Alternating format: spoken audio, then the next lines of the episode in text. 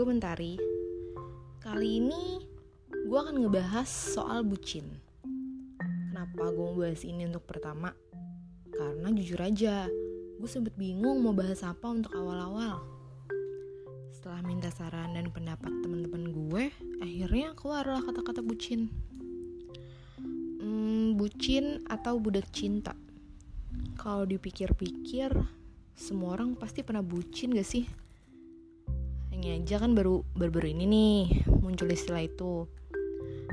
Hmm, yang bisa gue tangkep nih dari omongan-omongan uh, orang nih. Kalau misalnya bucin tuh kayak uh, temen tongkrongan kalian yang biasanya selalu ikut kumpul terus jadi kayak nggak pernah muncul gitu.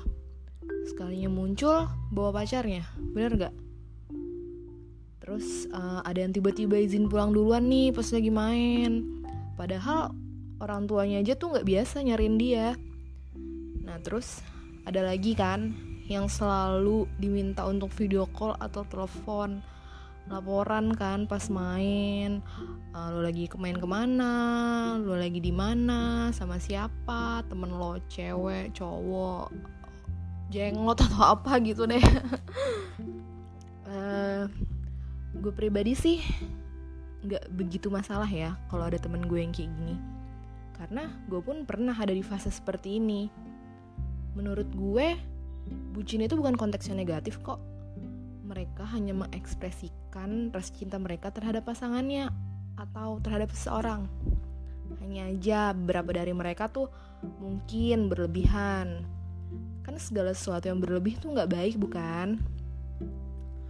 Jadi semua orang pasti akan bucin pada waktunya. Tapi coba deh pikiran lagi. Apa lo bucin dengan orang yang tepat?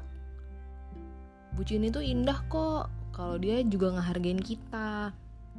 Boleh bucin, asal jangan terlalu ekstrim ngerubah hidup lo. Soalnya ada beberapa kasus nih, seorang bisa ngerubah dirinya jadi seperti apa yang pasangannya mau balik lagi ya ke omongan gue yang tadi.